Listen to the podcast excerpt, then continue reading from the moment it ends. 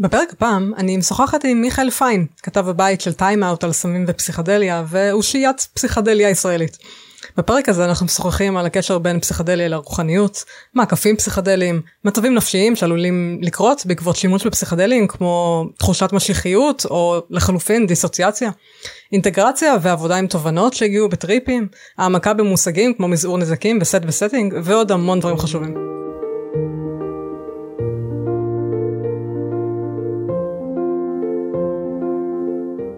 אהלן מאזינות ומאזינים, ברוכות וברוכים הבאים לפודקאסט האור והצל, מסע של כנות להתעוררות רוחנית. אם אתם מתעניינים ברוחניות, או שאתם חשים שאתם בתהליך התעוררות רוחנית, אתם מוזמנים להצטרף אליי למסע אמיץ ומפוקח של חקירה והתפתחות רוחנית ונפשית. בכל שיחה אנחנו צוללים לעומק החיפוש הרוחני ותהליך ההתעוררות, ושואפים להביא ראייה צלולה וכנה לכל הצדדים שלו, המוארים והאפלים. אני טליה מיכאלי, מטפלת אינטגרטיבית, מלווה ומדריכה מתעוררים ומחפשים רוחניים, מקדמת מזעור פגיעות ברוחניות ומייסדת קהילת הפייסבוק התעוררות רוחנית והסכנות שבדרך. מוכנים לצאת למסע? בואו נתחיל.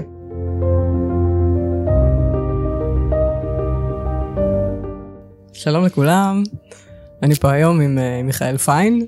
אהלן. Uh, כיף שאתה פה, ממש. תודה, כיף להיות. uh, היום אנחנו הולכים לדבר על פסיכדלים ורוחניות. אה, מיכאל הוא אה, אחד האוטוריטות אה, בתחום הזה בשנים האחרונות, ככה אני רואה אותך בכל אופן. גם יש לך טור על זה בטיים-אאוט ואתה גם מרצה על זה ועושה עוד כל מיני דברים בתחום. תודה, תודה. אשמח שתגיד עליך כמה מילים. טוב, אז כן, קוראים לי מיכאל, מיכאל פיין, וכזה אני מרגיש שהחיים שלי ב... כמה שנים האחרונות נסבות סביב שני צירים מרכזיים, שאחד מהם זה אה, סמים ומזעור נזקים בכלל, גם הרבה ספציפית פסיכדלים, אבל גם הייתי אומר סמים בכלל. אה, והציר השני זה הציר של כאילו לימוד מדיטציה ורוחניות וכזה, אנחנו מאוד... אה, עושים דברים מאוד דומים בהקשר mm-hmm. כזה ליווי אנשים בדרך רוחנית, כל אחד ב, בסגנון וה... כן, נכון. עם הנגיעות האישיות שלו. כי לך יש יותר התמחות בפסיכדליה, אבל יש התמחות בדברים אחרים, יותר, יותר, יותר פן הפסיכותרפויטי. כן. כן. אמ, וכאילו יש לי כזה, כזה מותג, כאילו זה, זה לשהות. כן. אמ, וכאילו תכלס הדבר שהכי מדליק אותי זה כששני הצירים האלה נפגשים, הקשר בין... סמים לרוחניות, כן. תכלס בין פסיכדלים לרוחניות. כן. Mm. מעולה. אז uh, הולכת להיות uh, פה שיחה ממש uh, ממש ממש מעניינת, uh, כבר הכנו רשימת נושאים ענפה. אני כבר ממש מחכה להתחיל. Uh, נגיד כמה מילים על דיסקליימרים אולי, לפני שאנחנו מתחילים? כן, כן, חשוב. Mm-hmm. Uh, באמת שאין לנו שום כוונה, לא לטליה ולא לי ולא לשנינו בפרק הזה, לעודד שימוש בפסיכדלים או שום פעילות אה, לא חוקית אחרת. גם אני חושב שאנחנו נבהיר בשיחה הזאת כמה שיש להם את הסכנות שלהם, וכאילו זה לא...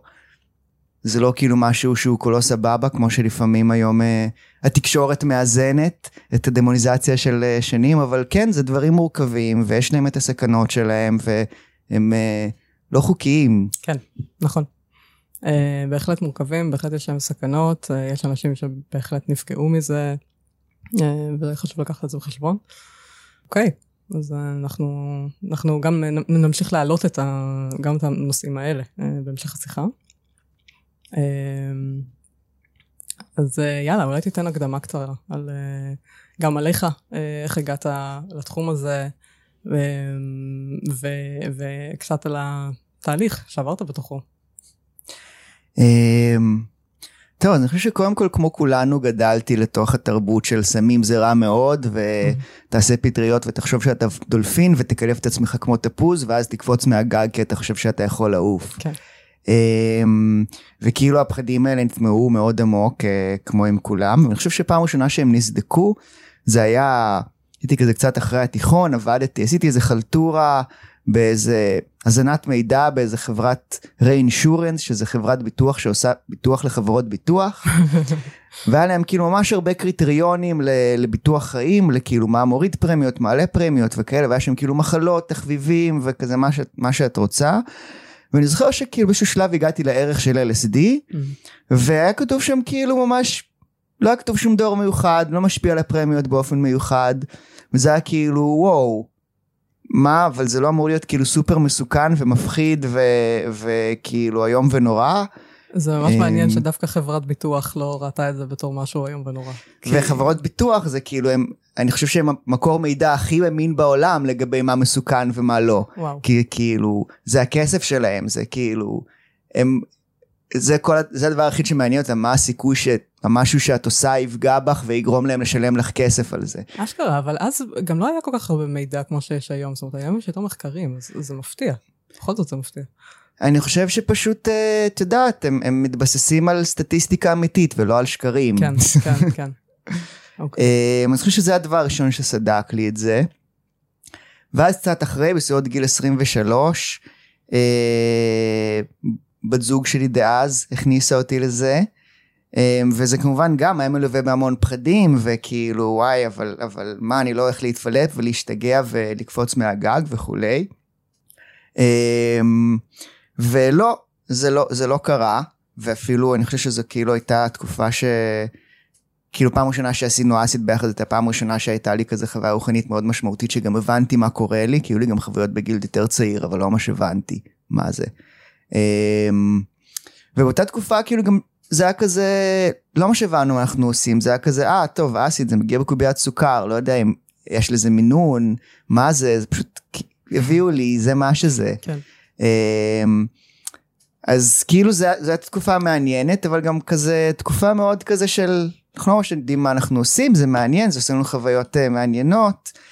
Um, ואז מתישהו התחלתי ללמוד, uh, עשיתי תואר ראשון, והיה לי פחות זמן לזה, וגם נפרדנו, וכזה לא היה לי עם מי לעשות תקופה, וזה יצא מהחיים שלי. ואז כשזה חזר לחיים שלי כמה שנים אחרי, לפני משהו כמו חמש-שש שנים, um, פתאום זה הגיע ממקום אחר, פתאום זה הגיע ממקום של כזה, אוקיי, יש פה עולם שלם. Mm. אני חושב שגם באותה תקופה פתאום כאילו גם התחיל ממש אה, כזה התפוצצות כזה יותר במרחב הציבורי ובשיח הציבורי על כזה, אה, על הרנסאנס הפסיכדלי, והיה פתאום מתפוצץ כזה הטלגראס, והיה טלגראס פסיכדליה, והיה שם כאילו מלא קבוצות דיונים על זה, והיה... לפני uh, משהו כמו חמש שנים, או אפילו שש שנים, את הכנס הפסיכדליה הראשון שעידו כן. הרטוגזון ארגן. Mm. Um, וכאילו, פתאום ראיתי שזה עולם שיש בו מלא עומק, um, ובתור חנון, mm-hmm. שכאילו ברגע שהוא נכנס לזה תחביב חייב כאילו לחפור את הנשמה בתוך זה. כך עשיתי, ו... ולא יודע, גיליתי עולם שלם גם סביב פסיכדלים, כאילו עם מורכבות ועומק מאוד גדול ועניין מאוד גדול וכאילו כלים מאוד מאוד מורכבים עם פוטנציאל גם לתועלות מדהימות וגם לנזק כאילו ממש רציני. ומשם גם כאילו התחלתי להתעניין בעולם הסמים בכלל וכאילו כמה מלחמה בסמים זה נראה לי פחות ניכנס לזה אבל כמה זה כאילו מטומטם ו- ועושה כל כך הרבה יותר נזק מתועלת. כן. Um, ולאורך הזמן הזה באמת, גם שוב, פעם ראשונה שעשיתי הייתה לי חוויה רוחנית מאוד משמעותית, ואז אחרי כמה שנים כשחזרתי לזה, אז מאוד עניין אותי היחס לפסיכדלים כאיזה שהם כלים לעבודה רוחנית. כן. אמ, ומאוד, כאילו מין חקרתי את זה גם ברמת הלקרוא על זה ספרים ומחקרים, וגם ברמת ה... כאילו לחקור את זה בחוויה שלי ולחקור את זה mm. כזה בתוך חוויות שאני עושה עם עוד אנשים, ולראות איך כאילו מה זה יכול לתת, איך זה יכול לפגוע, מה, איך זה כאילו, איפה החפיפה והמפגש בין שני הדברים האלה, וגם חושב שככל שהעמקתי הבנתי כמה שהקשר בין פסיכדלים לרוחניות הוא כל כך עמוק וכל כך כאילו, כן. אי אפשר להפריד בין שני הדברים האלה. ו- ובגלל, זהו, אני רוצה לשאול אותך משהו ספציפי לגבי זה, כי בגלל הקשר הזה, יש להרבה אנשים נטייה לעשות איד... אידיאליזציה לפסיכדלים. אה, ומעניין אותי איפה זה פגש אותך, אה, ואיזה איזה תהליך עשית עם זה. אני בטוח שבשלב מסוים גם לי הייתה אידיאליזציה של פסיכדלים. אני מניח, אני לא זוכר, אבל אוקיי. כאילו מהיותי בן אדם אני מניח שגם אני עברתי phase כזה. אמ, כי יש משהו בחוויות האלה שהוא מאוד אינטנסיבי, טוטאלי, profound, מרגיש כאילו כל כך אמיתי, כל כך out there, כל כך הדבר הזה שחיפשנו. כן. ואנחנו נורא רוצים להאמין שזה, שזה איזושהי אמת טרנסצנדנטית, שזה איזשהו משהו כאילו גדול מהמציאות ו- ו- ואחר, וזה לא שזה לא לחלוטין נכון, אבל גם אנחנו עדיין חווים את זה דרך האנושיות המאוד מאוד מוגבלת ולא גדולה מהמציאות שלנו. כן. וכל המגבלות שלנו כבני אדם, הן, הן באות לידי ביטוי גם עם פסיכדלים. כן. אמ, ואותן בעיות שיש כאילו, שאת דיברת נגיד בפרק על הסיפור שלך עם סטורי ג'אנקי, זה דברים שמאוד באים לידי ביטוי, לידי ביטוי גם עם פסיכדלים. נכון, נכון, לגמרי. זאת אומרת, זה, זה חלק מה... אולי, אולי אנחנו כבר יכולים להתחיל לדבר על זה, כן? אמ, מעקפים פסיכדליים. כן. כי סטורי ג'אנקית זה סוג של, סוג של מעקף רוחני. כן. וכשאני אומרת אידיאליזציה לפסיכדלים, אז אני גם מדברת על, על מעקפים פסיכדליים. זאת אומרת שאנשים חושבים שהם יכולים לעשות שוב ושוב, אה, אה, לא, לא משנה מה זה, LSD, פטריות, וואטאבר, לחוות שוב ושוב אה, מצבי תודעה אה, פתוחים כאלה רחבים, ושזה מה שיפתור להם את הבעיות בחיים. אה, שזה לא יצריך באמת משהו יותר, יותר עמוק, יותר איזשהו תהליך אה, אה, פסיכותרפי, או איזשהו תהליך עומק באמת אה, ש, של אינטגרציה של הדברים האלה, שזה... גם של, גם של החוויות הפסיכדליות, אבל לא רק, גם של פשוט מה שקורה לנו ביומיום, ושל הפצעים שלנו, ושל הטראומות שלנו, באמת כאילו, זה- שזה מצריך יותר מרק לעשות, לעשות סמים.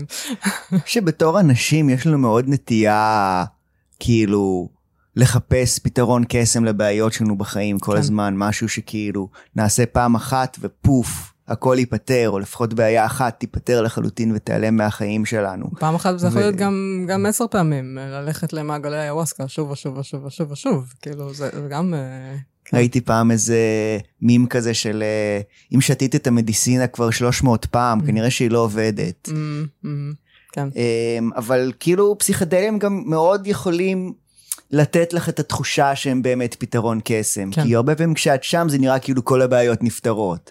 ונראה לך שאולי אם תשהי במרחב הזה מספיק זמן, אולי הם באמת ייפתרו. כן, אבל זה, זה פשוט לא עובד ככה, כי, כי אין שום פתרון קסם לשום דבר בחיים האלה, וגם פסיכדלים לא.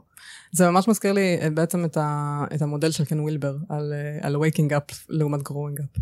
אה, שבעצם פסיכדלים מביאים אותנו, אה, מראים לנו אה, משהו ב, ב, בציר של ה-waking up, אה, שהוא כאילו גבוה יותר מאיפה שאנחנו נמצאים ביום-יום, אבל אנחנו עוד לא מספיק מפותחים במקום הזה, וגם ה-growing up שלנו עדיין לא מפותח מספיק. אז כאילו, ביום-יום אנחנו לא יכולים להיות ב state of mind הזה. אה, בעצם פסיכדלים זה סוג של הצצה למקום הזה, אבל זה לא, אנחנו לא אמורים להיות שם כל הזמן, זה לא, אמ, זה לא ריאלי, זה ממש לא ריאלי, וזה גם לא בריא.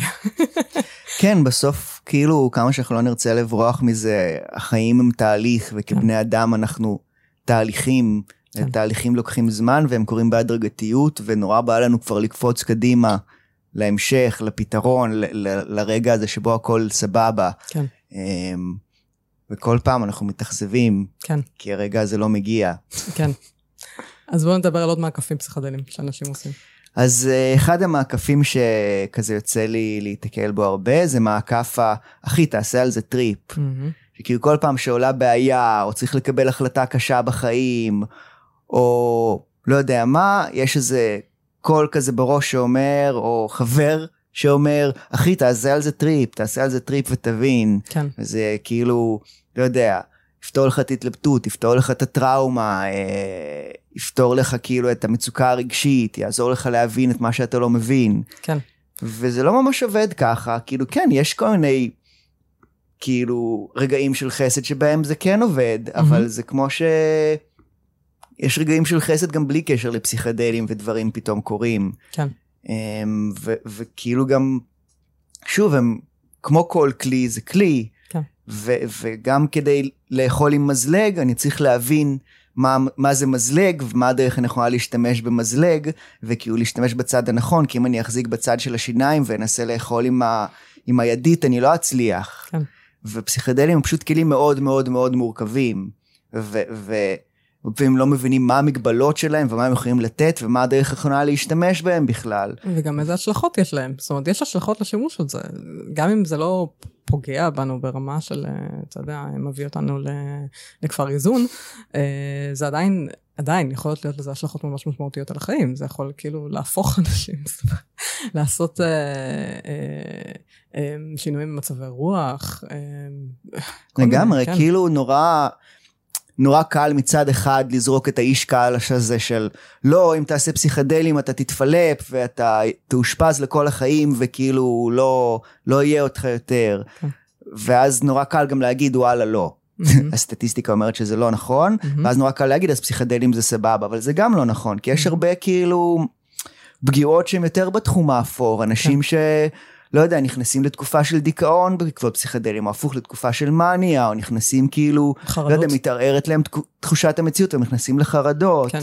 כאילו אני מכיר הרבה מאוד אנשים, כולל עצמי, שבעקבות שימוש פסיכדלים, כאילו, עברו איזשהו ערעור של המציאות ושל הזהות שלא היה קל בכלל, mm-hmm. ולמזלי היה לי את הכלים והיה לי את המעטפת כאילו החברתית והטיפולית ש- שאפשרה לי כאילו להכיל את זה ולאבד את זה ו- ולצמוח מתוך זה. כן. אבל הרבה אנשים שכאילו עושים פסיכדלים, גם אין להם הרבה פעמים קהילה סביבם של אנשים שעושים את זה גם, שיש להם ניסיון שמבינים מה הם עוברים.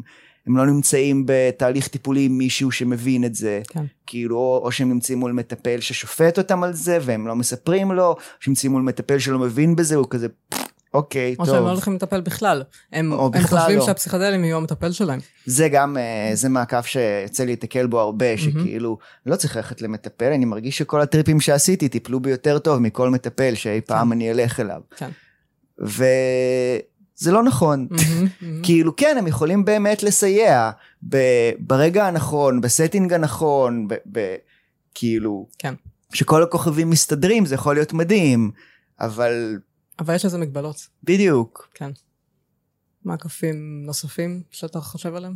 כן. אמ, אז מעקף נוסף, יש את ה... אז אמרנו, יש את ה... אחי תעשה על זה טריפ, של לנסות כן. לפתור בעיות והתלבטויות וכאלה.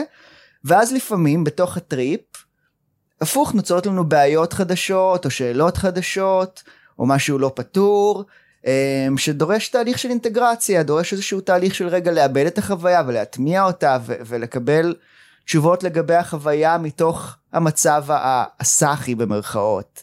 אמ, מתוך כאילו איזשהו תהליך אינטגרציה עם, עם מטפל או מלווה אינטגרציה או מה שזה לא יהיה. אמ, אבל עבור הרבה אנשים זה כזה וואי יש לי מלא שאלות מהטריפ האחרון, או זה פתח לי כל מיני דברים, אולי אני פשוט אעשה עוד טריפ וזה יפתור לי אותן. Mm, mm. אני אעשה עוד טריפ כדי לעשות אינטגרציה לטריפ הקודם. כן. ולפעמים זה אולי סוגר כאילו שאלה מהטריפ הקודם, אבל זה פותח חמש שאלות חדשות. כן. וזה נכנס לאיזה לופ כזה שאני עושה עוד ועוד טריפים ו- ופותח עוד ועוד שאלות וקצוות, ו- ואף פעם לא באמת מגיע לשום מקום. זה יותר מבלבל מאשר אה, עושה סדר. כן, mm-hmm. וגם אם זה לא יותר מבלבל, זה בוודאות פשוט לא עושה סדר, זה, זה מין כזה מעגל עקר כזה שאני לא מגיע בו לשום מקום, אני כן. רק כאילו פשוט עושה עוד סמים. כן. ו... ובטוח שאני עושה עבודה. בזמן, כאילו, כן. אני, אני ממש כאילו, עובד על עצמי, כן? כן. אני עושה עבודה. אני עושה עבודה, אני פוגש כן. את עצמי, אני באמת פוגש את עצמי, פסיכדלים מראים לי מלא דברים על עצמי, וכזה, אוקיי, יופי. גם הרבה פעמים נכנסים כאילו לאיזה סרט כזה של... אם אני אוכל כאפות, סימן שאני עושה משהו חשוב. כן. כאילו הרבה פעמים יש לנו את הקשר הזה בין, בין סבל למשמעות, שאם אני סובל, בטח כאילו קורה משהו חשוב עכשיו. Mm-hmm. ו- וגם אני הייתי שם. באיזשהו שלב פשוט היה איזה רגע שהבנתי, וואלה, אני סתם אוכל כאפות. Mm-hmm. אני פשוט כאילו אוכל כאפות כי, כי לא משתמש בכלים האלה נכון, כי אני לא, לא שומר על עצמי בתוך זה, ולא, אני לא לומד מזה כלום, אני לומד מזה שאני פשוט משתמש לא נכון בפסיכדלים. כן. וכאילו כן, ככה למדתי הרבה דברים mm-hmm. על, על, על כן שימוש נכון ועל, ועל איך לא לאכול כאפות, כן. אמ, אבל וואלה, הייתי מעדיף לא ללמוד את זה ככה. כן, כן. אז אה, יש לך עוד משהו להגיד על מקפים, או שנעבור לשימוש נכון? Uh, כן, יש. עוד אוקיי. מעקף אחד שהוא בעיניי חשוב. שזה לאנשים יש הרבה פעמים נטייה לחשוב אה, כאילו שמשהו בטריפ הפסיכדלי הוא אמת, mm-hmm. כאילו פסיכדלים חושפים איזושהי אמת, כן. אה, או שהם כאילו חושפים את המציאות, או שכאילו חוויה פסיכדלית זו ההערה, וכאילו זה יוצר איזושהי דואליות כזה של בין החוויה הרגילה שלי לחוויה הפסיכדלית, כן. ויוצר גם איזושהי היררכיה שהחוויה הפסיכדלית בהכרח יותר טובה, יותר נכונה. כן. וזה פשוט לא נכון, הם, הם מראים לנו זווית אחרת, מראים לנו נקודת מבט אחרת, אבל היא לא יותר טובה או פחות טובה, היא פשוט אחרת, היא משלימה, Mm-hmm. וברגע שאני שם אותה בהיררכיה מעל זה, אז, אז אני בהכרח מקטין מהחוויה היומיומית שלי, בהכרח מייצר איזשהו ניתוק ב- ביני לבין המציאות שאני בתכלס חי בה. כן. חשוב, ממש. כן. כן. המציאות זה מה שאנחנו רוב הזמן נמצאים בו, ובעצם זה, זה ה, ה כאן ועכשיו, זה ה... אה, ההערה היא כאן ועכשיו, או ההתעוררות, או כן, איך שלא קוראים לזה. אוקיי, אז אה, נעבור אה, לשימוש נכון, harm reduction. כן, אז הדבר הראשון שאני רוצה להגיד, שזה כאילו ממש לא harm reduction קלאסי, אבל אני מאמין בזה בלב שלם. אמ, אני חושב שקשה מאוד להשתמש בפסיכדלים ו- ולהוציא מהם ערך, בלי שיש לך איזשהו רקע בכזה תורות רוחניות, תורות מיסטיות, אה, פילוסופיות רוחניות, וזה לא משנה אם זה כאילו, אם זה בודהיזם או הינדואיזם או קבלה לצורך העניין. מהמם. מה שחשוב זה שיש לך איזושהי שפה ואיזושהי כאילו תפיסה מטאפיזית בראש שהיא היא יותר מסתם תפיסה מטריאליסטית בסיסית. כן. אמ, למרות שיש אנשים שהם מטריאליסטים לחלוטין, והם חוו חוויות רוחניות על פסיכדלים, וזה פתח להם את הראש ללהתעמק בתורות רוחניות. אז זה יכול נכון. להיות כאילו גם... נכון. נכון, זה, זה כאילו, זה לא אבסולוטי, אבל אני כן יכול להגיד שאני מאוד מאוד מאוד אסיר תודה על זה שהגעתי לפסיכדלים רק אחרי כמה שנים כבר שהייתי בחיפוש הרוחני, והיה לי כאילו כבר רקע ב... ב כאילו הכרתי בודהיזם והכרתי כזה אדווייתא והכרתי כל מיני דברים ופתאום פשוט הרגשתי שחוויתי חוויה שהיא מאוד חוויה ישירה של דברים תיאורטיים שלמדתי. כן. ואני רואה הרבה אנשים שחווים כאילו את הדברים האלה בלי שיש להם את כל הרקע התיאורטי הזה, בלי שיש להם את המילים ואת השפה ואת הפריימוורק המחשבתי לשים את זה בתוכן, וזה הרבה פעמים מפרק אותם ושובר אותם, הוא גורם להם לחשוב שהם השתגעו. כן. אמ, או שזה גורם להם לחשוב שהם המשיח. כן, כן, זה ממש השני קצוות, או כן. שזה כאילו הרבה פעמים הולך לאיזה מקום של מניה רוחנית כזאת, תחושת משיחיות, תחושת כאילו הבנתי הכל ואני חייב עכשיו להראות לכולם כמה הבנתי הכל כדי שכולם יבינו ויתעוררו כן. וכאילו איזה מין פשוט תפיסה משיחית כמו שאמרת, כן. או הצד השני של הפוך של כאילו וואו אני מרגיש שכאילו המציאות לא אמיתית ואני לא אמיתי, איזושהי דפרסונליזציה או דה-ריאליזציה, תחושה כזה של העצמי לא אמיתי והמציאות לא אמיתית ואיזשהו ניתוק מאוד גדול וחרדה שמגיעה עם זה, כן. או תחושה של אובדן משמעות. כן. זה כזה ממש הצד השני פשוט של אותו דבר. כן. כן. כאילו... אפשר להגיד שזה אה, גם איזשהו סוג של חוויית התעוררות פשוט ממש ממש ממש לא נעימה. כן, כן, וזה ממש נכון, כי גם יש הרבה אנשים שכאילו חווים חוויות התעוררות בלי קשר לפסיכדלים, בלי נכון. שהם יש להם רקע, נכון. וזה שולח אותם לאותם מקומות בדיוק. כן. או כאילו למאניה המשיחית, או לדיסוציאציה, דפרסונליזציה החרדתית. כן, כן. כאילו זה פשוט אותו, אותו דבר בתכלס, לא משנה מה הסיבה שגרמה לזה. פשוט עם פסיכדלים יש סבירות יותר גבוהה שזה יקרה לך מאשר בלעדיהם. כן, אה, בהחלט, כי הם אה, דוח, דוחקים אותך לקיצון, התודעתי. אבל אה, זה שבאמת יש איזשהו רקע של איזשהו, איזושהי תורה כזו או אחרת, אז יש, יש יותר על מה להישען, יש באמת איזשהו רפרנס פוינט לגשת אליו. ו... אבל לפעמים באמת, זה שיש את הרקע זה, זה, זה חשוב, אבל זה לא מספיק בשביל למנוע את הסיטואציות האלה. זאת אומרת, יש אנשים שיש להם, היה להם רקע, תרגלו במשך שנים כבר איזשהו, איזושהי תורה כזו או אחרת, ועדיין זה קרה להם. אמ, וזה תלוי בכל מיני גורמים, גם המצב הנפשי של בן אדם, אה, רגשות מודחקים, טראומות, כל מיני דברים כאלה. אז... אה, כן, זה, זה תלוי במלא דברים, ואני חושב שאולי, וזה גם איזשהו harm reduction, לא בדיוק harm reduction קלאסי, כן. אבל אני חושב שהוא harm reduction להכל בחיים בכללי, ולא רק פסיכדלים, כן.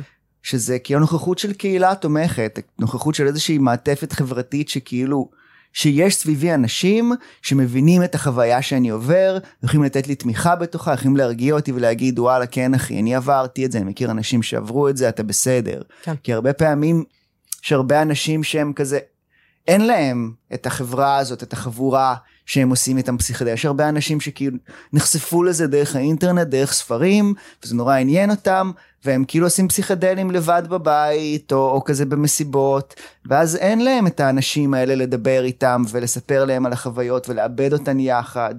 אמ, והתחושה הזאת של לחוות משהו כל כך זר וכל כך מוזר, ושאין לך עם מי לדבר על זה, והרבה פעמים לדבר על זה עם אנשים שלא מבינים בזה עושה יותר נזק מתועלת. כן, זה, או, זה... או אנשים שעושים לזה איזה מין... אה, מתייחסים לזה במין כזה, כן, יאללה, פסיכדלים, טוב, תעשה על זה עוד טריפ. כאילו, מתייחסים לזה בזילות. כן, זאת אומרת, זה, זה גם אנשים שהם יכולים לעשות פסיכדלים הרבה זמן, ועדיין להתייחס לזה בזילות. אני חושב שזה מביא אותנו לזה שכאילו harm reduction בכללי זה לא רק עניין פרטי, זה עניין חברתי. כן. זה עניין כאילו של שלנו כחברה ואיך אנחנו מתייחסים לשימוש בסמים ולמשתמשים בסמים וכאילו למצוקות שנוצרות כתוצאה מזה. כן, כן, אוקיי. אז uh, um, that being said זה, זה מאוד מאוד חשוב ולגבי ה-harm reduction uh, קלאסי מה שנקרא כן כולם מדברים על סט וסטינג זה זה זה מין uh, משהו שגור כבר בקהילה כאילו אבל כן חשוב להגיד על זה כמה מילים. אמ, אז אני אתחיל מלהגיד שהרם רידקשן בכלל של, של סמים והוא נכון תכלס למזעור נזקים של כל דבר בחיים רק mm-hmm. לא, לא רק סמים כן. ולא רק פסיכדלים מגיע מתוך מתוך ידע מתוך הבנה כאילו של איך הכלי הזה פועל מה הסכנות שלו ומה התועלות האפשריות שלו כאילו גם עם מזלג אני צריך להבין מה מה כאילו מה הוא יכול לעשות איך משתמשים בו נכון מה הסכנות של מזלג מה התועלות שלו mm-hmm. ו- וברגע שיש לי את הידע הזה אני יכול להשתמש בו. אז אותו דבר בעיניי עם כל הסמים ועם פסיכדלים זה פשוט מורכב במיוחד. כן. Um, כי הם פשוט חומרים עם השפעה מאוד מאוד מורכבת זה לא כאילו כמו ממריץ שכן גם שם יש מורכבות מסוימת זה יותר מורכב ממזלג mm-hmm.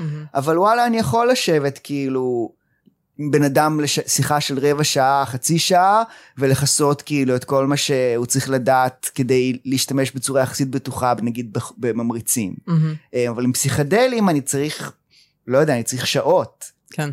ואני לא יודע אם אני יכול לעשות את זה לבד, אולי אני צריך לשלוח אותו ל- לקרוא דברים וללמוד דברים, כי זו באמת השפעה מאוד מורכבת, אז קודם כל ה basic זה כמו שאמרת set ו setting. כן. שגם זה קונספט שאני אסביר אותו עכשיו בדקה, אבל יש לו עומק אינסופי. כן. אמ, בעצם זה מגיע מתוך, ה... מתוך איזושהי הבנה שהייתה בשנות ה-50-60, שלהבדיל מהרבה חומרים אחרים, ההשפעה של פסיכדלים היא מושפעת יותר מכל דבר אחר על ידי ה set וה setting. כלומר, ה set וה setting ישפיע על החוויה שלי יותר מאשר אם אני אקח פטריות או אסיד. כן. Um, ובעצם ה set וה setting זה שני דברים. עכשיו זה כל כך כל כך הגיוני. כלומר, מה החומרים האלה עושים? הם פותחים את הטווח אה, קליטה שלנו, את התודעה שלנו, לכל כך הרבה השפעות חיצוניות, שאנחנו ביום יום, המנגנוני הגנה שלנו נמצאים שם ומפלטרים את כל הדברים האלה. ובעצם הם מאפשרים למנגנוני ההגנה האלה להתרופף ו... ולהכל להיכנס פנימה, וגם, וגם למה שנמצא בלא מודע שלנו, לצאת החוצה. כי כי גם אותם, אין, אין, אין מנגנוני הגנה שיפלטרו גם את זה. אז גם, גם הפנימה יוצא החוצה וגם הבחוץ נכנס פנימה, אז, אז זה כל כך הגיוני ש set ו setting זה יהיה הדבר הכי הכי חשוב. כלומר, באיזה סביבה... set ו setting זה בעצם מה יש בחוץ ומה יש בפנים. בדיוק, כן. באיזה סביבה אני נמצאת ו- ובאיזה מצב אה, רגשי, אה, תודעתי אני נמצאת באותו, באותו זמן שאני לוקחת את החומר. אה, כאילו, זה, זה, זה ממש basics. ממש ממש basics, וזה כאילו לא יאומן ש... ש... שגם היום אפילו, אתה יודע, איך, ש... איך שחברות הפארמה מתייחסות לפסיכדלים, הן לא לוקחות את זה בחשבון, כאילו זה לא...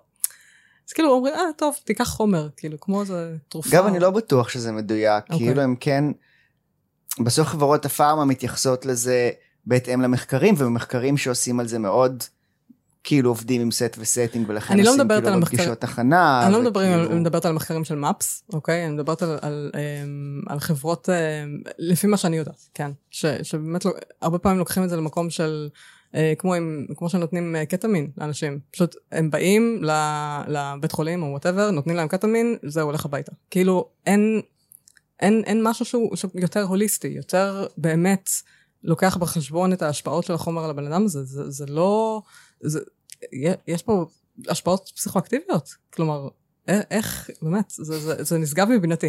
אבל זה, אני מבינה למה, כן? זה, זה, זה רווחים, זה כסף, זה פשוט, זה, זה מה שזה. אה, ו, ו, ואני מבינה את החשש גם בקהילה הפסיכדלית, שככל שיותר ויותר חברות פארמה ייכנסו לתחום הזה, אז, אז ככה זה, זה ייראה. אה, זה, זה באמת מטריד. כן, אני יכול uh, להיכנס לרנט מאוד ארוך עכשיו, על כן. כאילו, על uh, קפיטליזם וצרכנות ופסיכדליה, וכאילו, למה אני חושב שזה איזשהו כזה קומפלקס שמצד אחד הוא מסוכן, מצד שני אני חושב שגם יש איזה אלמנט של פסיכדליה שגם מפרק אותו מבפנים, mm-hmm. וזה מורכב, זה באמת מורכב, אני לא... מעניין אותי לראות איך זה יתפתח. כן. אוקיי, נמשיך אז. אמרנו set uh, ו setting. Mm-hmm. אז, אז כן אני רוצה רגע להרחיב על זה. כי הרבה פעמים, הרבה אנשים חושבים שהם מבינים מה זה ו- ויש להם תפיסה מאוד פשטנית של זה. כן. אז כמו שאמרנו סט זה קיצור של mindset זה הבפנים, אמ, שזה כל מה שאני מביא איתי לתוך החוויה הזאת, שזה נכון המצב רוח שלי, הרגשות שלי, המחשבות שלי, הדברים שכזה מעסיקים אותי בזמן האחרון, אה, השבוע שעבר עליי, כמה אני עייף או לא עייף, אמ, כל מיני דברים כאלה.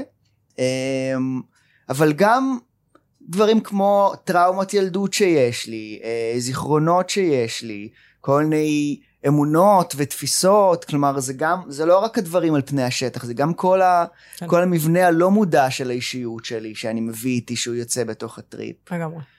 אמ, ויש את הסטינג, שכאילו בפשט זה הסביבה שנמצא בה, הסביבה הפיזית, כמה כאילו, לא יודע, חם או קר שם, כמה אנשים שנמצא איתם, נרגיש איתם בטוח או לא בטוח.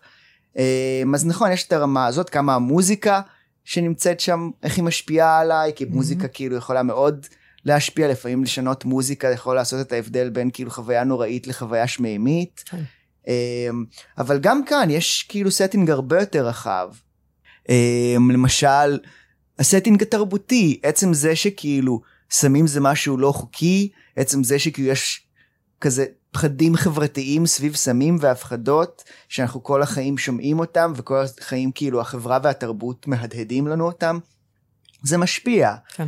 אה, וגם דברים שלא קשורים לסמים, לעשות פסיכדלים, לא יודע, בזמן הקורונה, אז יש השפעה לזה שעכשיו תקופת קורונה משפיע, לעשות סמים בזמן, obviously, בזמן מלחמה, או, או איך שאוהבים לקרוא לזה, מבצע, mm-hmm. זה, זה משפיע. כלומר, גם כל האווירה והאטמוספירה החברתית בכללי היא משפיעה, כנראה שגם לעשות פסיכדלים בתקופת בחירות, ישפיע אחרת מאשר לעשות פסיכדלים בתקופה שאין בה בחירות. כן. הם לא יודע, אם כאילו דברים כמו שינויי אקלים וכאילו כל המשבר הסביבתי זה דברים שכאילו איכשהו נמצאים בתודעה שלי זה ישפיע. כן. כלומר גם הסטינג זה משהו מאוד מאוד רחב והוא לא רק אם אני בבית או לא בבית. כן. והרבה פעמים כאילו אנשים אומרים מה עשיתי שמע כאילו אותו חומר כמה פעמים באותו סט וסטינג וזה היה שונה.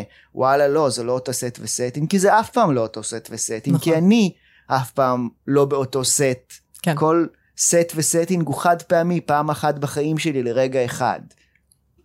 לגמרי, לגמרי. אמ, ואני רוצה גם להגיד על זה שכאילו סט וסטינג זה אין פה נכון ולא נכון, כי עובדה, כאילו בטיפולים פסיכדליים לוקחים אנשים במצוקה. mm-hmm. במצוקה רגשית מאוד גדולה ו- ונותנים להם פסיכדלים והמצב שלהם משתפר.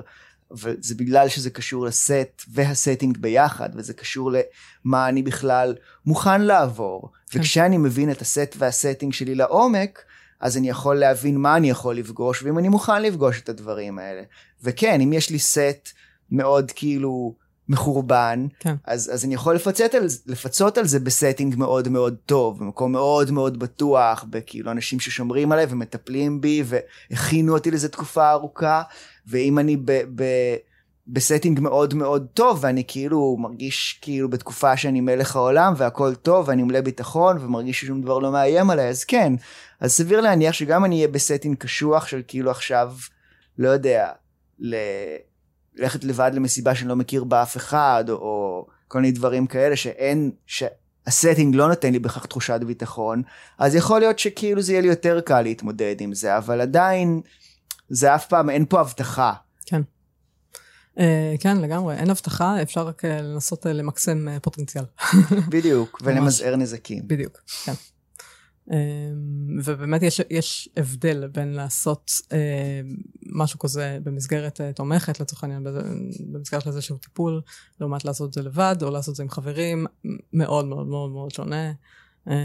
כשיש מישהו שהוא רק עליך ורק תומך בך ורק שם בשבילך ו- ושומר עליך, זה ממש ממש אחרת מאשר uh, להיות עם חברים שכל אחד נמצא בתוך הסרט של עצמו, או להיות לבד, כן? אז אין אף אחד שדואג לך בעצם. כן. Um, כמובן, לבדוק חומרים, זה גם משהו שמאוד חשוב בהקשר כן. הזה. שספציפית עם פסיכדלים זה מורכב, לבדוק mm-hmm. חומרים זה חשוב בעיקר עם, עם אבקות, Mm-hmm. ששם כאילו...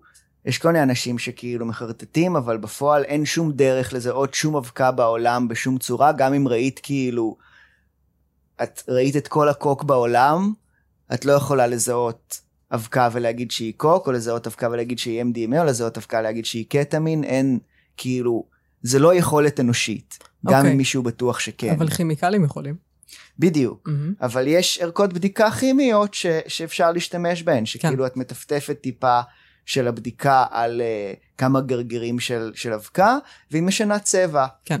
Um, וזה גם, כאילו זה לא, לא כמו בדיקת מעבדה, שנותנת לך איזושהי תשובה מוחלטת, כן. אבל זה כן יכול לעזור לפסול חומרים מסוכנים. Mm-hmm. Um, ומה לגבי אסיד? אז עם אסיד זה יותר פשוט וגם יותר מורכב. אמ, מצד אחד יש בדיקת ארליך שיודעת לזהות אה, אינדולים, שזה אומר שזה לא כזה משנה עכשיו להיכנס לזה, Mhm. אבל אז היא יודעת לזהות אסיד, ויודעת גם לזהות כאילו כל מיני נגזרות של אסיד, כמו, כאילו יש מלא, יש ALD 52 ואלעד ומלא מלא נגזרות, שהן כאילו מאוד מאוד קרובות כימית לאסיד, והן גם נחשבות בטוחות באותה מידה. אוקיי. וגם ההשפעה שלהן כאילו היא שונה בניואנסים, אבל היא בסך הכל מאוד דומה. אוקיי. אמ, ואז יש את החומרים שהם פחות uh, בטוחים, כמו אנבום והסדרה של uh, דוב וכאלה, שהם uh, כאילו הם, הם לא שייכים לאותה משפחה, הם כאילו, יש להם השפעה דומה, אבל הם מאוד שונים כימית, מהמם. וזה חומרים שארליך לא יגיב אליהם. אז נגיד אם אני מטפטף עם ארליך על, על קרטון, על, אני יכול להוריד ממש פינה קטנטנה של הקרטון ולטפטף עליו ארליך, ואם זה אסיד, או נגזרת קרובה של אסיד, זה יחליף לסגול, מהמם. ואם זה לא, אז זה לא יחליף צבע, ואז אני יודע שמה שיש לי זה לא אסיד. כן. אמ, ששוב, זה חומרים שתאורטית, גם אפשר לעשות שימוש בטוח באנבום ושימוש בטוח בדוב וכולי, אבל אני צריך לדעת מה יש לי ביד כדי לדעת מהו שימוש בטוח. לצורך העניין, עם, עם אנבום למשל, אם אני עושה מינון קצת יותר גבוה, אני יכול להגיע הרבה יותר בקלות ל- לאיזשהו דום לב או בעיית לב, שעם אסיד אני יכול לעשות עכשיו גם מינון ממש אסטרונומי, וזה לא יהיה מסוכן. כן. כלומר, פיזית אין בו הרבה דבר אה, כן. בעייתי. או DOB Mhm. למשל זה כאילו גם יותר ממריץ וגם זה טריפ של איזה 20 שעות. וואו, שכדאי שאני אדע שזה אוקיי. מה שהולך לקרות. כן. אמ, אז, אמ, אז, אז כאילו זה, זה ההבדל כאן. מהמם. אמ, אבל עם דברים אחרים נגיד זה יותר מורכב, עם פטריות, אני פשוט צריך לדעת איך פטריות נראות, אין שום ערכת בדיקה ש, שתראה לי את זה.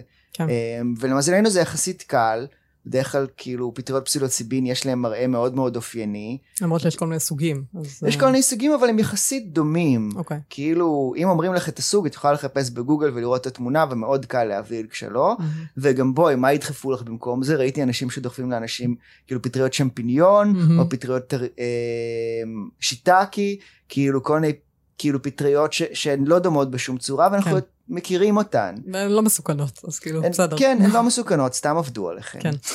כן. אוקיי. אמ, ו- אבל באמת שזה זה כאילו רוב ה harm reduction עם פסיכדלים מגיע מגיע מלהבין את החומרים מגיע מהמקום של הידע מהמקום של כאילו אני קורא לזה אוריינות פסיכדלית או אוריינות סמים מלהבין מה החומר יכול ולא יכול לעשות להבין שמה שהוא מראה לך זה לא אמת אבסולוטית מהמם. להבין שמה שהבנת בטריפ הפסיכדלי זה לא בהכרח כאילו תובנה מוחלטת שעכשיו נכונה לכל החיים שלך. מהמם. להבין שכאילו, לא יודע, אם את חווית בתוך הטריפ ש... שאנשים כאילו מדברים עלייך רעות, או חושבים עלייך, או כזה רוצים לפגוע בך, זה לא אומר שבאמת רצו לעשות את זה. כאילו יצא לי כבר לשמוע על אנשים שכאילו עשו טריפ עם חברים, ואז במהלך הטריפ הם הרגישו שהחברים כאילו רוצים לעשות להם משהו רע, וזהו, ואחרי הטריפ הם בטוחים שזו הייתה המציאות. כן, כלומר נדלק להם איזשהו מקום פרנואידי בתוכם, זאת אומרת, זה, זה איזשהו משהו מהלא מודע שלהם שעלה שם, אה, שמייצר איזשהו משהו פרנואידי, זה איזשהו, איזשהו סוג של מנגנון הגנה. אה, ו, ואז זה, זה פשוט נתקע, כי, כי יש את ה... התפיסה הזאת שאם זה עלה במהלך אה, טריפ אז זה כנראה אמת. כן, תפיסה מאוד מאוד בעייתית, והיא ממש לא אמת. כן. כלומר, זה ממש ממש חשוב לעשות uh, חושבים, ו- ו- ואפילו באמת לדבר על זה עם עוד אנשים. איזה שהן תובנות שאנחנו מקבלים במהלך, uh, במהלך טריפים, לשהות עם זה, um, לא לקחת כל דבר כ- כ- כאמת מוחלטת, כל תובנה כזאת, לשקול אותה, לראות, לנסות, לנסות להבין האם זה באמת קשור לחיים, באיזה אופן זה קשור לחיים, ולדבר על זה עם אנשים אחרים, לא להישאר עם זה לבד. אה, לדבר עם אנשים אחרים זה, זה ממש אחד הדברים ה, כאילו הכי חשובים בעיניי, וגם אה, כאילו ממש שמעתי מישהו השבוע שהוא עושה כזה אינטגרציה עם אנשים, והוא אמר שאחד הדברים שהוא אומר לאנשים, נותן להם שיעורי בית, קח חבר, תקבע איתו שאתם יושבים שעה, ואתה מספר לו על החוויה הפסיכדלית שלך. כן. וזה כאילו יכול לעשות הרבה פעמים הבדל ממש משמעותי. שוב, כדאי שזה יהיה חבר שכאילו... כן. מבין על מה אתה מדבר, ולא כאילו ישמע שחשבת שאנשים רוצים לפגוע בך ויגיד, כן, כן, תשמע, הם חארות, זה כנראה נכון. Mm-hmm. כאילו, אלא מישהו ש, שגם יודע לתת לך פידבק רלוונטי. כן. אמ, שזה גם מתחבר שוב למקום של, של הצורך בקהילה ש, שתומכת ועוטפת את הדבר הזה. כן, ו, וגם טיפול. זאת אומרת, אמ, לעשות אינטגרציה במסגרת טיפולית עם מטפל שהוא באמת אה, מוסמך לזה, זה אמ, יכול לעזור לנו גם להעמיק הרבה יותר את התובנות שקיבלנו. זאת אומרת, גם אם התובנה הזאת היא, היא אה, לא, אמ, לא אמיתית, כלומר לא נכונה, עדיין יש סיבה שדווקא היא עלתה, אז להתבונן על זה, מה, מה יש שם? אולי באמת זה מראה, אם לצורך העניין עלה איזה משהו פרנואידי, אז מה זה מראה לי על החרדה שקיימת בתוכי? מה זה מראה לי על היכול, חוסר היכולת שלי לסמוך על אנשים באופן כללי בחיים שלי?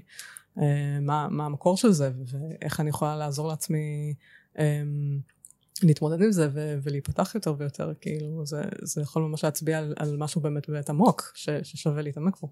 בדיוק, כלומר גם אם הדבר עצמו הוא לא אמיתי, הוא בהכרח ייצוג של משהו אמיתי. כן. כלומר הרבה, הרבה פעמים כאילו אנשים מאוד לוקחים את מה שהם חוו בחוויה הפסיכולוגית בפשט, כן. כאילו חוויתי שאנשים רוצים לפגוע בי, משמע אנשים רוצים לפגוע בי, אבל הרבה פעמים זה ייצוג, חוויתי שאנשים רוצים לפגוע בי, כי עמוק בפנים יש לי תחושת חוסר ביטחון בעולם, ואני מסתובב בעולם בתחושה שזה מקום לא בטוח ורוצים לפגוע בי. בדיוק. וזה לא קשור לאנשים הספציפיים, זה קשור שוב למשהו בסט האישי שלי, כן. שכאילו התממש בתוך הטריפ, וכאילו קיבל את הצורה הזאת הספציפית. כן, וזה מתקשר לי גם לטרמינולוגיה של אנשים שאומרים, הסבתא אמרה לי, או כן, הפטריות אמרו לי, או כאילו, ה- לקחת את זה בצורת הפשט הזאת, כן, יש לזה ישות, כן, היווסקה הזאת, הישות, שהיא הסבתא, והיא אומרת לי ככה וככה, כזה, אוקיי, לאו דווקא, יכול להיות שהיא באמת מראה לי משהו שהוא לא, שהוא יותר עמוק מאיך שאני מפרשת את זה.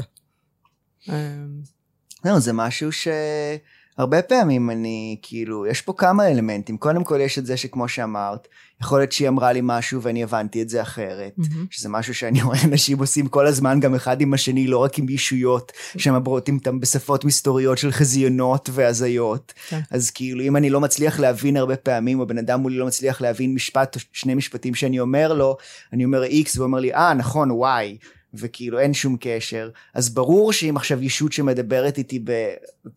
לא יודע מה, אז, אז כאילו גם שם אני לא בהכרח אבין, וגם כאילו הרבה פעמים אני לא יודע להבדיל איפה כאילו אני מדבר לעצמי ואיפה משהו חיצוני נכון. מדבר אליי, נכון. וגם, וזו שאלה ש... לא יודע, שבעיניי הרבה פעמים גם, אני חושב עליה בהקשר של כזה מתקשרים, כן. של איך אני יודע שהאישות הזאת דוברת אמת, Mm. כאילו, גם אם הצלחתי להבדיל בין איפה המחשבות שלי ואיפה האישות, שזה משהו שאני לא יודע איך עושים, כן. איך אני יודע ש- שזה אמת, ואיך אני יודע שזה אמת מוחלטת, ואיך אני יודע כאילו... יש פה, יש פה כאילו מורכבות. מאוד. יש פה איזושהי מורכבות שדורשת ניתוח ועיבוד ו- ופרשנות של החוויה, ולא פשוט לקחת את זה כמו שזה. לגמרי, לגמרי, ממש. ממש, זה באמת, אה, זה באמת מורכב, וממש חשוב, אה, אפרופו מעקפים, כן, לא, כי הפשט זה איזשהו סוג של מעקף, כן, זאת אומרת, אנחנו נתפסים לאיזה משהו ואומרים, אוקיי, זאת, זאת האמת, ואנחנו לא מסתכלים על מה שיש באמת אה, מעבר לזה, אה, ויש הרבה פעמים מעבר לזה, כן, נאחזים במה שקל להאחז. בדיוק. אה, אוקיי, אז, אז באמת, אה, בהקשר לתובנות, יש גם את הצד השני, כן, אמרת, דיברנו על פרנויה, אבל יש גם אגו אינפליישן. כלומר, מצב שבו אנחנו, האגו שלנו אה, אה, עולה על גדותיו ו- ומתחיל לחשוב שהוא, לא יודעת, שהוא ה... כן, כמו אני המשיח, או אני, צר... אני זה שצריך להביא גאולה לעולם הזה. אני עכשיו צריך לספר לכולם על פסיכדלים, ושכולם יעשו פסיכדלים, צריך לשים לכולם פסיכדלים במים, או כל מיני, כל מיני, כאילו, רעיונות, אמ... וואו, מסוכנים, ממש, רעיונות ממש מסוכנים.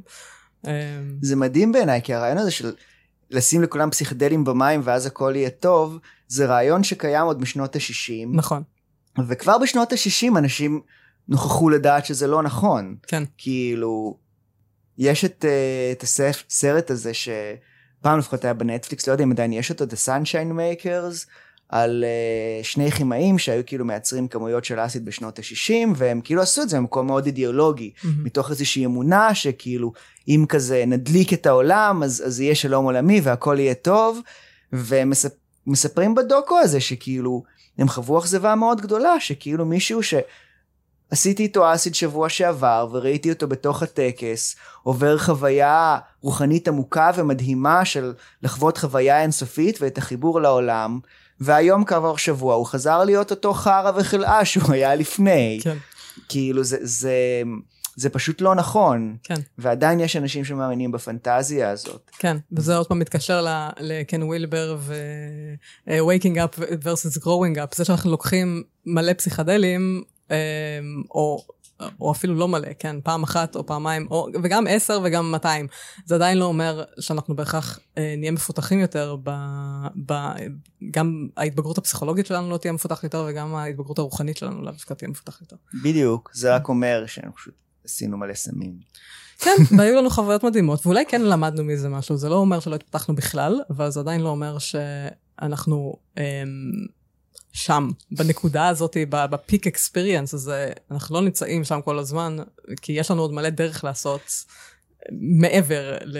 אה, מעבר לזה, בחיים זה הרגילים קצת כמו שלנו. כל לימודים, אני כן. יכול גם להירשם לאוניברסיטה וללכת לכל השיעורים ולשבת בהם, אבל כאילו אחר כך לזרוק על זה זין ושום דבר לא ייקלט, אבל אני יכול גם ללכת וכאילו, ולעשות שיעורי בית וללמוד ולקרוא עוד ולהרחיב ולראות איך אני מיישם את זה, ואז אני אשכרה אלמד משהו, אבל אני לא לומד שום דבר מזה שנרשמתי ללימודים, כן, אני פשוט כאילו כן, עוב- עוברת דרכי אינפורמציה, זה לא אומר שלמדתי, זה לא אומר שהתפתחתי או משהו בי השתנה ב- כבן אדם. כן. כש- באמת כשלומדים איזשהו משהו מעשי, כן, לצורך העניין, סיימתי ללמוד נטורופתיה, סיימתי ארבע, ארבע שנים, עשיתי את זה בחמש שנים, אבל לא חשוב, סיימתי, ואז אמרו, אוקיי, עכשיו את מתחילה ללמוד. כי ה- הלמידה היא באמת להתחיל אשכרה לעשות את זה בפרקטיקה, בחיים ביומיום, אמ, אבל, ו- וככה זה גם כאן, זאת אומרת, יש חו- חוויה רוחנית אחת, אפשר לעשות לה אינטגרציה כל החיים. זאת אומרת, לגמרי. באמת, וככה גם לגבי חוויות פסיכודליות. אפשר, אפשר לעשות להם אינטגרציה שוב ושוב ושוב ושוב ושוב, ו- וזה, וזה, לא צריך לעשות עוד פסיכדלים בשביל זה בהכרח. כן, זה משהו שאני נתקלתי בו כאילו בתקופה שהייתי עושה מעגלי אינטגרציה. כאילו רצינו לייצר כזה קבוצה תהליכית של אנשים שבאים כל שבוע ומאבדים. אבל הרבה פעמים קיבלנו תגובה מאנשים של כזה, הם באו פעם אחת ואמרו, אה לא, לא עשיתי מאז עוד חוויות פסיכדליות, אין לי מה לעשות אינטגרציה. אבל לא, כאילו אינטגרציה של חוויה פסיכדלית יכולה להיות חודשים ושנים. נכון, והאינטגרציה היא לא רק לחוויה, היא אינטגרציה של החיים עצמם. כן. כן, בעצם איך אני, איך אני יותר ויותר חיה את, ה, את התובנות אה, שקיבלתי שם, שהם, שאני מרגישה שהן באמת אה, מיטיבות איתי ונכונות לי ו, ו, ותורמות לי לחיים. כלומר, החוויה הרוחנית שהייתה לי, אומנם זה לא היה עם פסיכדלים, אבל אז קיבלתי תובנה ש, ש, שממש כדאי שאני אתחיל לדאוג לעצמי, לדאוג ל, ל, לאכול אה, בריא, למשל. ואז אוקיי, לקחתי שנים, לקח לי שנים להטמיע את הדבר הזה, לקח לי שנים לרדת מסוכר, למשל. כאילו, אבל, אבל זה איזושהי תובנה שהגיעה לי שם. אמ, ואז אה, יותר ויותר הטמעתי אותה בחיים שלי, אבל זה, זה לקח תהליך. דוגמה ממש טובה. זה, כן, זה היה תהליך של, באמת, תהליך ארוך. ו, ושגם להבין איך לעשות את זה. זה לא פשוט, זה לא, זה לא רק, אוקיי, הבנתי שאני צריכה לעשות את זה, יופי, עכשיו אני צריכה להבין איך לעשות את זה. ואני צריכה גם שיתמכו בי בכל מיני דרכים, כאילו, זה, זה לא, באמת, לעשות את זה לבד הרבה פעמים זה נורא קשה. לגמרי. כן.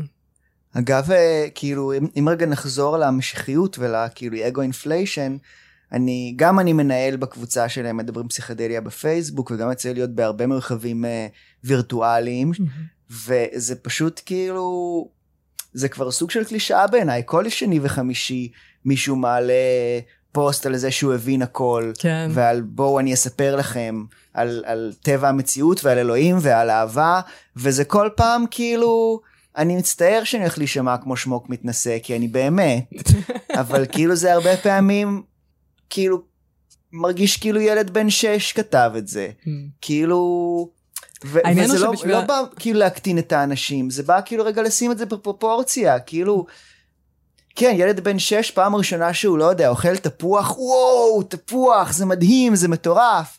והוא לא מודע לזה שיש עולם שלם בחוץ שבו אנשים אוכלים מלא תפוחים. כן. ואותו דבר זה, זה כאילו מתחבר לדברים שאמרנו, אנשים שכאילו אין להם את הרקע המוקדם, הם לא יודעים שכאילו אנשים חווים מיסטיות, חוויות מיסטיות אלפי שנים, ויש תורות שלמות, ויש כאילו מורכבות של אינטגרציה ושל חיים ושל כאילו כל זה והם פשוט כאילו וואו חוויתי את החוויה הזאת וכולם חייבים לדעת כי בטח זה שחוויתי אותה עושה אותי ממש ממש מיוחד ובטח אף אחד לא חווה את זה ואף אחד לא הבין את זה ואני חייב ללכת ולספר לכולם את הדבר המדהים הזה שרק אני הבנתי והם לא מבינים. אוקיי okay, אז באמת כשמסתכלים על זה מבחוץ זה יכול להיות נורא מצחיק וכן Um, אני, אני רגע אבל מתחברת שנייה לחוויה באמת של הבן אדם הזה שנמצא שם, כי גם אני הייתי שם. כלומר, גם ב... אני, כן. בואי, אני, כאילו, אני מדבר על זה ככה כי גם אני הייתי שם. כן, אוקיי, אז ב... כש, כשרק לראשונה נפתחים לדברים כאלה, כלומר חוויות רוחניות, פעם ראשונה שאתה חווה, חווה את אלוהים, כן? כאילו חווה את החוויית האחדות הזאת, זה כזה, oh my god, oh איך, איך לא ידעתי שזה, זה היה קיים כל הזמן, ואני לא ידעתי את זה. ואם אני לא ידעתי את זה, ואני מסתכל מסביב, ואני רואה אנשים, הם לא נראים שזה, שהם מודעים לזה, כולם חיים את היום-יום שלהם, עסוקים ב, בלרדוף אחרי כסף. אה, או מצוות. או מצוות, כן, או לחוצים מ whatever, וכאילו, ו, ואני אני כאילו, אני ראיתי את אלוהים, אני ראיתי את אלוהים. אני חייב, אני חייב ללכת לעזור לאנשים אחרים לראות את אלוהים גם כן, כאילו, כל, כל הפתרון לכל הבעיות שלהם נמצא שם. אה, וזה מביא אותי למחשבות כאילו על העתיד של העולם שבו פסיכדלים נהיים יותר ויותר מיינסטרים. כאילו בעולם שבו זה כבר לא, אין יותר את החוויה הזאת שאת מתארת, זה לא שאני חוויתי את אלוהים ואין אף אחד אחר, אלא כן. עולם שבו פסיכדלים זה כזה משהו שהוא קיים בעולם, וזה ידוע שאנשים כאילו עושים פסיכדלים וחווים את אלוהים כל יום כל יש הזמן, מישהו כן. שעושה את זה, כל שבוע יש מישהו שעושה את זה. כן. וזה מכניס את זה בפרופורציה, ואני רוצה להאמין שזה כאילו באיזושהי מידה יקטין את מידת המשיחיות, וכאילו כי אנשים ירגישו אולי פחות מיוחדים, בקטע טוב, mm-hmm. כאילו mm-hmm. הם יגידו, אה, ah, אוקיי, זה כמו, כמו כאילו, לא יודע, פשוט הגעתי לשלב הזה בחיים שלי, שבו עכשיו חוויתי את החוויה הזאת, כן. ו- ואני עם האנשים האלה, כמו שלא יודע. לידה של ילד ראשון זה, זה כאילו חוויה סופר משמעותית, אבל בגלל שכולם סביבנו עושים ילדים, אז מי שכאילו נולד לילד פעם ראשונה הוא כן אני בטוח שגם שם יש איזו אופוריה ויש איזו תחושה של כאילו וואו חוויתי דבר מדהים אבל אז הם מסתכלים מסביב והם רואים שיש עוד אנשים שחוו את הדבר המדהים הזה ומדברים איתם והם כן. כזה וואי כן זה מדהים זה מדהים וואו וואו וואו כן. וזה מכניס את זה לפרופורציה. אז בעצם אולי העניין הקיצוניות הזאת שאנחנו מגיעים אליה גם גם לאגו אינפליישן לתחושת משיחיות וגם לדיסוציאציה כן שיכולה לקרות לאנשים שדיברנו עליה קודם. זה, זה בעצם תוצאה של, ה... של חוסר השיח על... של בורות על... חברתית, כן. הייתי אומר. חוסר, כן, חוסר השיח על רוחניות ועל ה... בעצם על האחדותיות שלנו, כן? זה שבסופו של דבר, כן, כולנו, הכל אותו דבר וכולנו כולנו אחד, כן, הדבר הזה, אבל רגע, בוא, בוא נוציא את זה מה, מהקלישאה שבזה.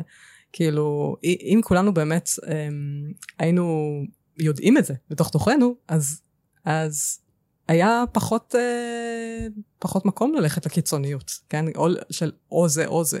כי, כי, כי זה בעצם תוצאה של הנפרדות שלנו. של, כן. ה, של האגו שלנו שמרגיש נפרד, כן. מה זה, האגו לא, ב, לא בקטע רע, אה, אה, אתה יודע, האגו לא בסדר. זה לא זה, לא זה, זה פשוט ה, ה, החוויית נפרדות האינהרנטית אה, שאנחנו חיים בה. כן, זה כאילו גם זה שאנחנו חיים בחברה שכאילו לוקחת כמובן מאליו את הנפרדות, שכל היום משדרת לנו ומשקפת לנו, אתה נפרד, אתה נפרד, כן. אתה נפרד, אתה נפרד, אתה צריך לדאוג לאתה הנפרד שלך, וזהו. כן. וכאילו, גם אין את הרמה היותר מורכבת, וגם פשוט אין את הנורמליזציה של, כאילו, זה לא שאנשים מסתובבים בעולם, וכן, הם יודעים שיש... כלי רכב, הם יודעים שיש כסף, הם יודעים שיש אלכוהול, הם יודעים שיש, לא יודע, חוויה של צניחה חופשית וחוויה של טיול בחו"ל, כן. והם יודעים שיש גם דבר כזה מוות ויש דבר כזה לידה, אבל רוב האנשים שמסתובבים בעולם לא מודעים לזה שיש דבר כזה חוויות רוחניות, mm-hmm. שיש דבר כזה חוויות מיסטיות, שזה דבר ממש נורמלי, נכון. זה דבר שאנשים חווים אלפי שנים. נכון. וכאילו הוא... הוא... הם חווים אותו מאז, מאז שחר ההיסטוריה האנושית, זאת אומרת, זה תמיד היה שם, זה תמיד היה שם. אה, ואולי דווקא היום, בגלל שאנחנו כל כך מנותקים מזה, אנחנו, אנחנו חיים במציאות שהיא קיצונית יותר אה, בהרבה מובנים אה, ממה שהיה פעם. זאת אומרת, פעם דיברו יותר על רוחניות, והיום אנחנו בעיקר עסוקים בחומרניות, ו, ואולי זה גם מה שמביא את המצבי קיצון האלה.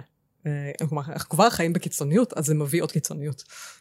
אז זה קצת מתחבר למה שאמרתי אי שם אה, מוקדם יותר בשיחה, על איך כאילו בעיניי לפסיכדלים יש איזשהו פוטנציאל לפרק את זה. Mm-hmm. כי יש אפילו מחקר על זה של ליאור רוזמן, שכאילו בקרב אנשים שעשו פסיכדלים, יש להם נטייה כאילו, אם לפני זה הם היו מטריאליסטים, אז בעקבות שימוש בפסיכדלים, בדרך כלל התפיסות המטאפיזיות זזים קצת הצידה, קצת תיקון, אוקיי, אולי העולם הוא לא רק חומר, אולי כן. גם יש מימד רוחני לעולם. כן. אמ, ואני רוצה להאמין ששוב, ככל שזה יותר מיינסטרים, אז התפיסה המטריאליסטית הזאת תתפרק, והתפיסה הצרכנית הזאת תתפרק, וכאילו התפיסה הנור, הנורמלית של, של מה זה העולם, ומה זה החיים, ומה זה העצמי, תהיה מורכבת יותר, ו, ולא תהיה מבוססת רק על אני זה חומר, ואז מתים, אז צריך לעשות כסף וכיף. כן, כן, לגמרי, ממש. אה, עוד משהו שהיית רוצה להוסיף לגבי כל מה שדיברנו עליו כאן?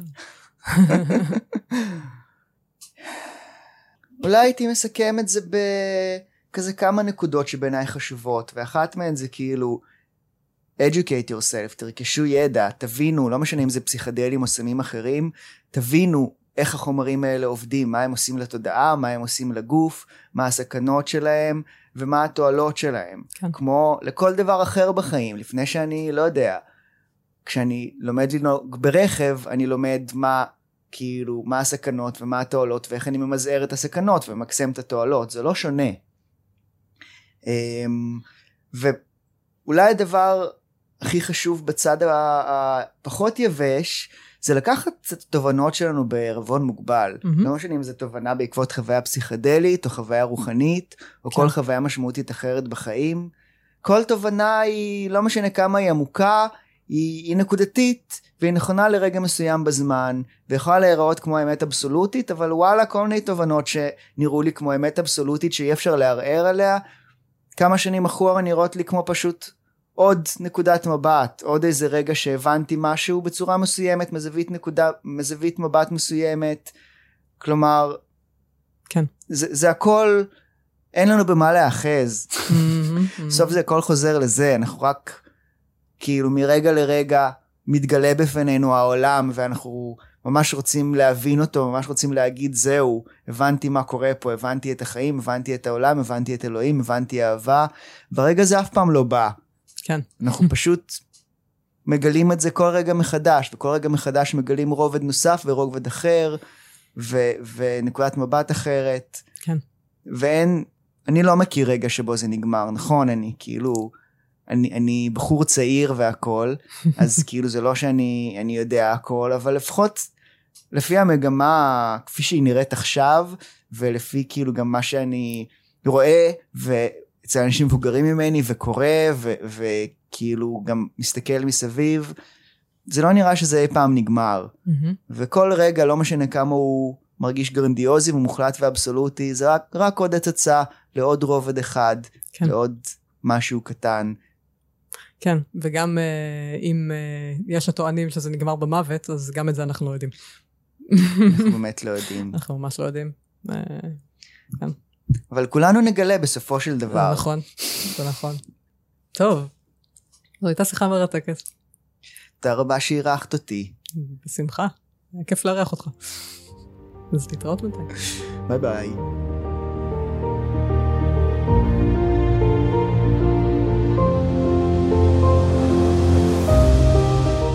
עד כאן הפרק להיום. אם אהבתם אותו ואתם חושבים שאחרים יכולים להתערב ממנו גם כן, שתפו ועזרו להפיץ את המסר. מידע רלוונטי לפרק הזה תוכלו למצוא באתר הפודקאסט טליאמיכאלי.com בו תוכלו גם להירשם לקבוצת הוואטסאפ השקטה ולקבל תזכורת בכל פעם שעולה פרק חדש. אתם מוזמנים להמשיך את הדיון על הנושאים שעלו בפרק הזה בקהילת הפייסבוק התעוררות רוחנית והסכנות שבדרך. ומעבר כל זה, ממש ממש אשמח לקבל את הפידבק שלכם. אם יתחשק לכם, לכתוב לי מה אהבתם, את מי תרצו לשמוע בפרקים הבאים, או כל דבר אחר שתרצו לשתף איתי, ניתן לעשות זאת באתר הפודקאסט או לכתוב לי בפייסבוק. איזה כיף שהייתם פה, ונשתמע בפרק הבא.